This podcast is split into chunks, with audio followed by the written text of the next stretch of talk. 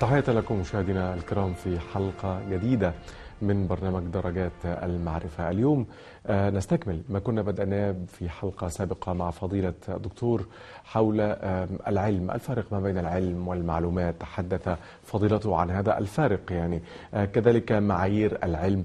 اليوم نتحدث على العلم واهتمام المسلمين بالعلم وتحصيل العلوم عبر القرون والأزمنة المختلفة. أرحب بفضيلة الإمام العالم الجليل الأستاذ الدكتور علي الجمعة أهلا بفضلك مولانا أهلا وسهلا. أهلا. وسهلا بحضرتك. مولانا آه، بناء على ما سبق كيف ثمن وكيف أعطى المسلمون للعلم قدره؟ بسم الله الرحمن الرحيم. الحمد لله والصلاة والسلام على سيدنا رسول الله وآله وصحبه ومن والاه. أشرنا في حلقة سابقة إلى أن هناك فارق في مدلول الألفاظ ما بين الجانب اللغوي والجانب الفني والاصطلاحي. وفي الحقيقة هذا أسماه المسلمون بعلم الوضع. وعلم الوضع معناه عندهم جعل اللفظ بإزاء المعنى. وهذه الأوضاع لأنها ليست وضعا واحدا فهناك آه، آه، وضع في اللغة. لغة العرب التي كان يتكلم بها سيدنا النبي التي كان يتكلم بها الصحابة الكرام فمن بعدهم إلى يوم الناس هذا تسمى باللغة العربية. وفيها ألفاظ بإزاء معاني. من الواضع؟ عندنا أربع أقوال في أصول الفقه. من الذي وضع هذه اللغة؟ القول الأول أنه الله وهو الراجح لقوله تعالى وعلم آدم الأسماء كلها. نعم. القول الثاني إن البشر هم اللي وضعوا إن أسد هو الحيوان المفترس ده. سماء هي اللي فوقينا دي أرض هي اللي تحتينا دي. مين اللي حط ده وبإزاء ده؟ الاولاني بيقول الله. الله هو الذي علم آدم القصعة والقصيعة الطبق والطبيق الصغير. والتاني قال لا ده البشر. والتالت قال الأصول من عند ربنا. يعني ربنا إيه؟ حط الأصول. القواعد. قواعد بقى إن هو لما تقول طبق أيوه. ولما تحب تصغر تقول طبيق. فأنا جيت حصان فرحت مستعمل المخ بقى بالمعلومات السابقة بقى حصين. حصان بقى حصين لأني بصغره يعني. هو اللي حط القواعد وعلمها لادم وآدم راح إيه بقى؟ يعني يبقى ما حطش اللغة كلها ده حط الأصول بتاعتها والتفريعات بتاعتها حط ضربة. أما يضرب وضراب وضرب وضارب ومضروب ومضرب كل الحاجات دي إحنا اللي عملناها بقى بالقواعد. المذهب الرابع إن إحنا مالنا ومال الحكاية دي. ما نعرفش. فيسموه مذهب التوقف. يعني ما نعرف مش مش ضروري نعرف يعني الحكاية دي. فيبقى من واضع اللغة؟ أربعة أقوال. أنا اتخير إن هو الله. ليه؟ كان مشايخنا يقولوا لنا يقولوا لنا أمال مين اللي حط الله؟ هو البشر؟ هو البشر عرف إن في إله؟ الله هو اللي حاطط هذا وعلمه للبشر. البشر ما يخطرش في باله إن في إله إلا بتعليم الله له وده مذهب الاشعريه واخد بال سيادتك إزاي؟ حتة لافته كده. منين جبتوا الله دي يا بشر؟ يبقى رب ربنا هو اللي اللي, اللي قايل لكم عليها. هو اللي أوحى إلى آدم بها فآدم علمها لاولاده يبقى اذا واضع اللغة هو الله عندنا يعني. لكن فيها أربع أقوال. طيب ده مجال أهو مجال اللغة. في مجال الشرع. زكاة يعني طهارة في اللغة. طب وزكاة في الشريعة؟ لا ده يعني 2.5% من المبلغ المدخر لمدة حول عام. ده معنى تاني. طب وسموه زكاة ليه؟ عشان أنت بتطهر أموالك. بأن تخرج جزءا منها لله. على سبيل السنة ولا على سبيل الفرض؟ لا فرض ده ركن من أركان الإسلام. آه ده معنى تاني بقى خالص غير الطهارة اللي موجودة في اللغة. يعني إيه وضوء؟ يعني شيء وضيء كده يعني يطلع منه ضوء كده كده نور يعني. طب وال... وعندنا لا تغسل وشك وبعدين إيديك وبعدين تمسح رأسك وبعدين تغسل رجليك. إيه ده؟ ده شرع. يبقى اذا الكلمة ليها حتة في مجال اللغة وليها حتة تانية في مجال إيه؟ الشرع. الشرع. يبقى ده المعنى الشرعي. لما تألفت الفنون فن الحديث وبعدين مسلسل. يعني إيه مسلسل؟ يعني حديث جاي على وصف معين كده فتسلسل في السلسال بتاعه والسلسلة بتاعته. والمسلسل يعني إيه في اللغة؟ يعني حاجة ورا حاجة. لكن في الحديث مسلسل قل ما على وصف أتى مثل أما والله أنباني الفتى كذاك قد حدثنيه قائمة أو بعد أن حدثني تبسم يبقى ده مسلسل بالتبسم وده مسلسل بالقيام وده مسلسل وهكذا.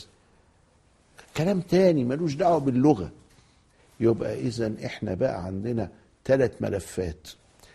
اللغة والشرع والعلوم المختلفة. وبعدين أضفنا ليها ملف رابع اسمه العرف. دبوس. دبوس ده يعني إيه؟ دبوس ده آلة حرب. تلاقي كتلة كده أهو وفيها آه، آه، زي آه، كده وحاجات خارجة. حاجات خارجة. كده أهو مم. آه وليها إيد. وبعدين يمسك ويجي خابط اللي قدامه بيها والعياذ بالله يكسر دماغه. آلة حرب. آه، مهلكة قاتلة يعني. طيب والدبوس في العرف إيه؟ دبوس الابر ده. يقول لك معاك دبوس. البنت وهي محجبة تقول لك ما معكش دبوس علشان أشبك ال ال- بتاع بتاع الشرب بتاعي. وتحول من آلة قتل لشكة دبوس. لشكة الدبوس في. العكس. الست في المطبخ بقى دبوس يعني إيه؟ يعني ورك الفرخ. أيوه صح. يقول لك أنا عايز الدبوس بتاع ورك الفرخ. إيه ده؟ ده لغة وده عرف. يبقى إذا عندنا اللغة وعندنا الشرع عندنا الاصطلاح العلوم بتاعت العلوم والفنون المختلفه عندنا العرف. واخد بالك؟ العرف ده قد يكون عرف عام. زي دبوس دي عرف عام. وانت في المكتب تقول دبوس هو الدبوس هو كذا إلى آخره. لكن وفي عرف خاص بقى بالمطبخ وعند الستات اللي هو بتاع الفرخة ده ده عرف خاص. يبقى بقينا خمس حتت. يألف مين فيها دي بقى؟ الإمام العضد. عضد الدين الإيجي. ويعمل علم بحاله اسمه علم الوضع. ويقول خلي بالك في فرق بين اللغة والشرع والإصطلاح والعرف العام والعرف الخاص. الوضع ده. واخد بالك؟ ده شيء رائع يا مولانا. ما هو طبعا أمال هم الناس أمال هم فضلوا مسلمين ليه؟ ما لأنه في تأسيس صح معمول عليهم. وبالشكل ده تصبح الكلمة لها معاني مختلفة في الملفات المختلفة.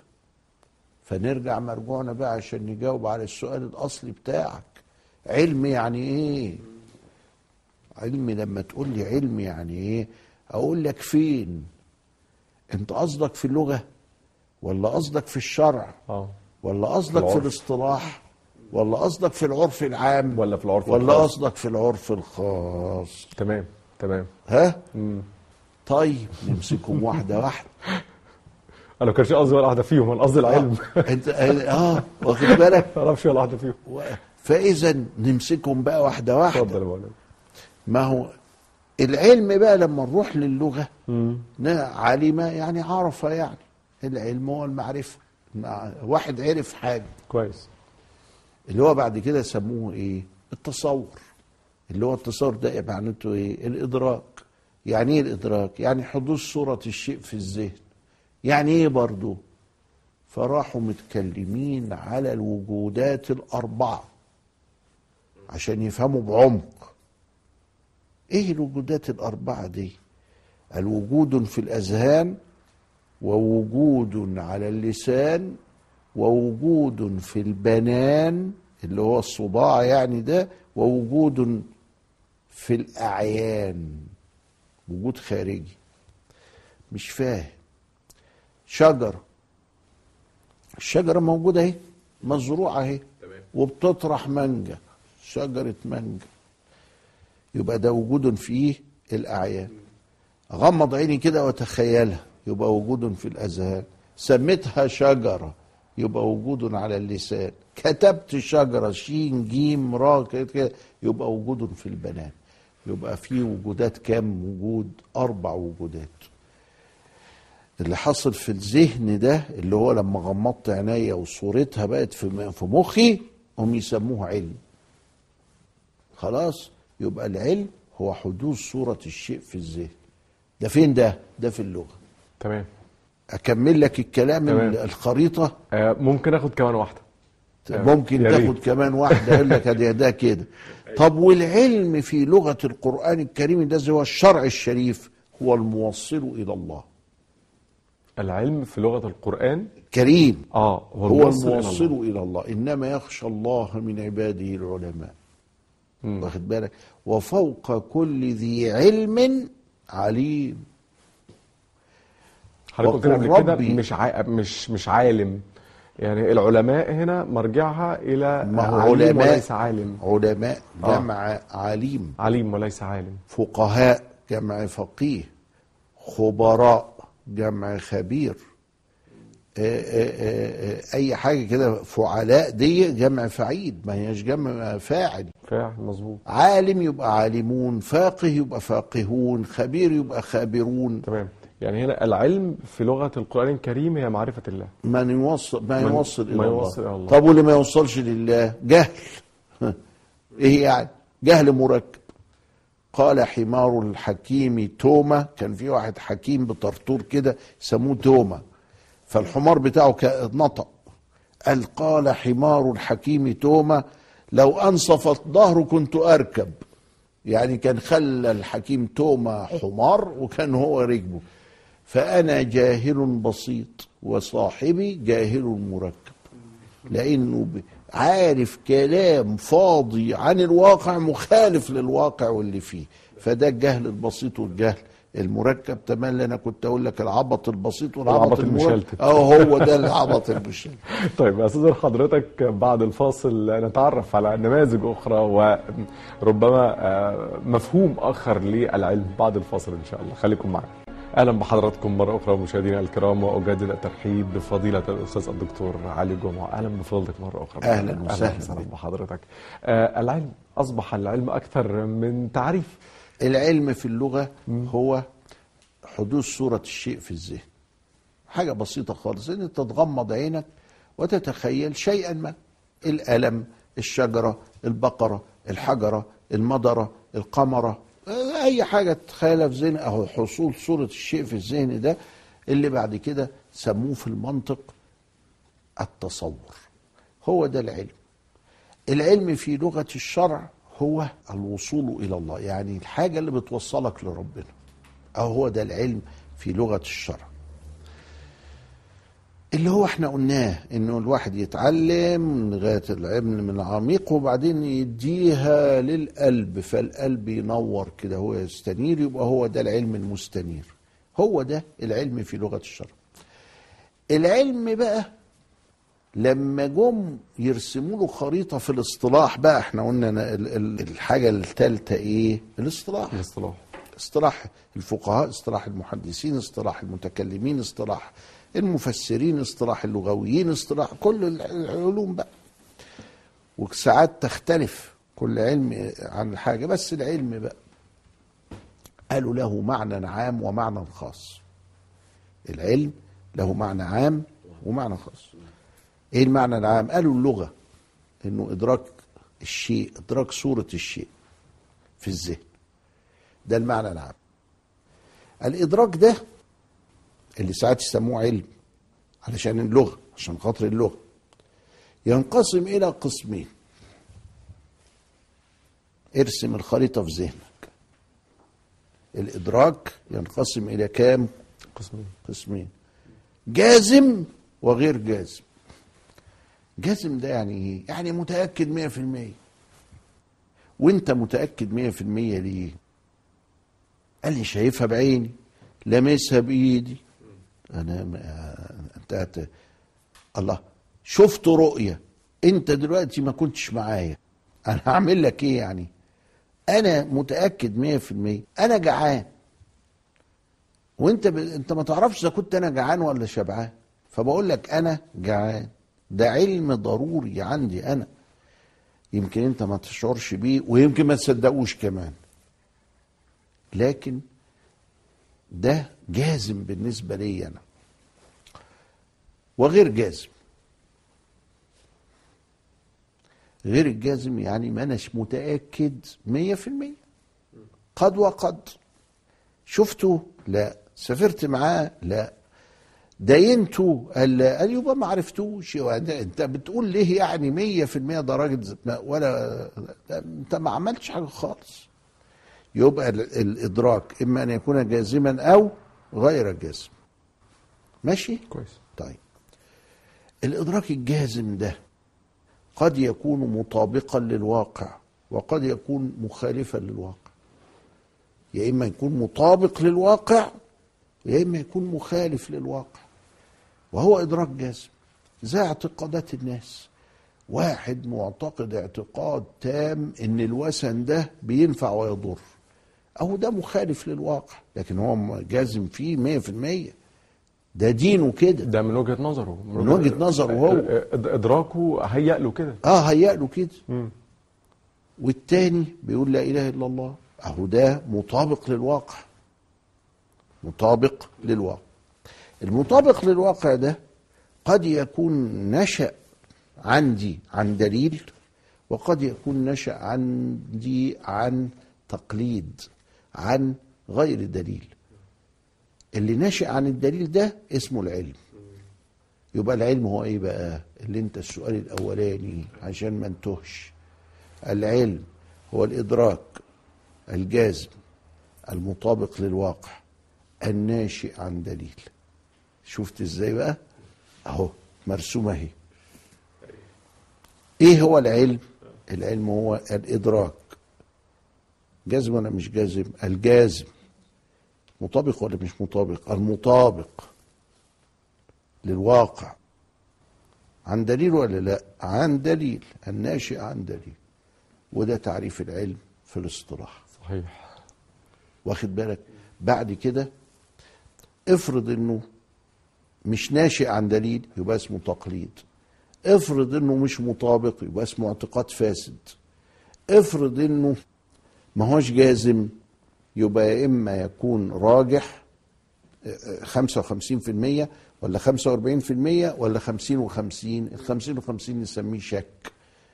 ال 55 نسميه ظن ال 45 نسميه وهم. يبقوا ثلاثة هنا. آدي الحكاية. وراحوا راسمين المعرفية دي تقسيم العلم إلى جازم وغير جازم الادراك إلى جازم وغير جازم والجازم منه مطابق وغير مطابق والمطابق منه ناشئ عن دليل ولا ويبقى هو ده العلم بالمصطلح الأخص أحيانا مولانا لما حضرتك. بتفسر لي كل هذه المفاهيم أو بتذكر علينا كل هذه المفاهيم الواحد بيتوقف يعني كيف كان يفكر الأولون آه لماذا اهتموا بالعلم كل هذا الاهتمام. لماذا افنوا حياتهم؟ وماذا كان الهدف؟ يعني لكي نصل اليوم إلى هذا التأسيس العقلي لكل مصطلح يقال. اولا فهموا عن البشرية مرادهم. لما كانوا يدخلوا الهند ولا الأندلس ولا انطاكيه ولا مصر ولا مدرسة الإسكندرية فهموا أنتوا بتقولوا إيه؟ فهموا أنتوا بتقولوا إيه؟ أدي ده أول حاجة. ثانيا احسنوا التعبير. عرفوا يردوا عليهم. يقولوا إيه؟ ثالثا لم تأخذهم الفلسفات المختلفة والآراء المختلفة. ما بقوش سذج. لا ده تفكير عميق مستنير. يعني توصل إلى الاستنارة يبقى إذا هذا هو الذي دفعهم إلى هذا التعمق والحاجات دي أنت عارف كانوا بيدرسوها فين؟ لسه في ابتدائي. كل الكلام ده علشان بعد كده وانت بتفكر تفكر بأدوات منضبطة. فتبدع ابداعا حقيقيا. فلا يكون عق- عقليتك عقلية هشة بل تكون عقلية علمية ناضجة منطقية وهكذا. فتكون بذلك نافعا. في المستوى السطحي والمستوى العميق والمستوى المستمر. وتغير بذلك سلوكك فتنفع بذلك دينك وصورته في الأرض. ولذلك انتشر الإسلام عن طريق التجار وعن طريق كذا إلى آخره. ما مش بس بالدرس ده انتشر بالسلوك العملي كل يوم. أدي ليه هم عملوا كده؟ هم عملوا كده ابتغاء وجه الله وحتى يؤسسوا أن يقفوا بأقدامهم على أرض صلبة يستطيعون بها الفهم والأداء. نعم.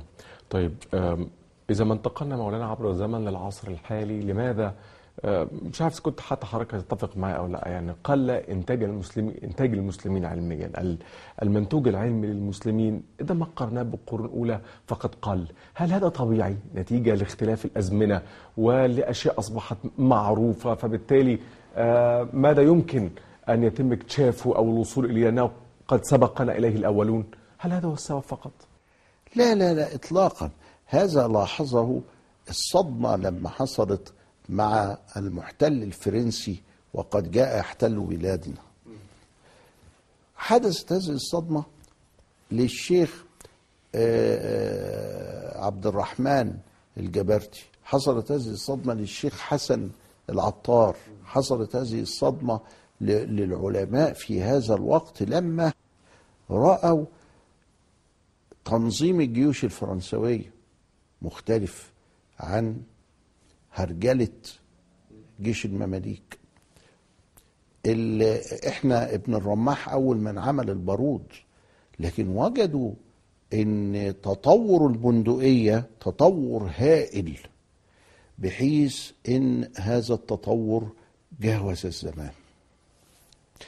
أدرك ده الشيخ حسن العطار وشافه وحسن وعبد الرحمن بن حسن وكانوا من كبار وكان حسن الجبرتي أبوه من كبار كبار علماء الرياضيات وكان الفرنساوية يجي يدرسوا عنده الرياضة العليا.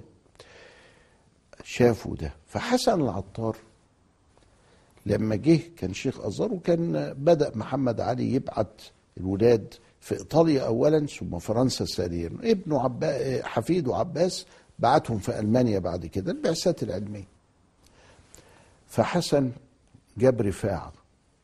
رفاعة ولد شاب نابه كويس قوي وحافظ وحلو كويس أزهري. قال له روح مع العيال دي تراقبهم في سلوكياتهم وت- إذا كان ولد هيضل ولا هيروح يشرب خمرة ولا هيمشي مع بنات ولا كذا لا انت إيه يعني شاب معاهم تمنعه من هذا ويبقى ال- المرشد ده. بس أنا مش. أنا عايزك تهتم بحتة تانية. قال له إيه؟ قال له عايزك تهتم. الناس دي معاها مفتاح معاها سر. الناس دي معاها سر. تشوف لي إيه السر ده. تدور عليه. هم بقوا كده إزاي؟ ليه؟ بقوا كده إزاي وليه دي دي عملية معقدة للغاية بتسمى الآن في دراسات الحضارة بالحضارة المادية؟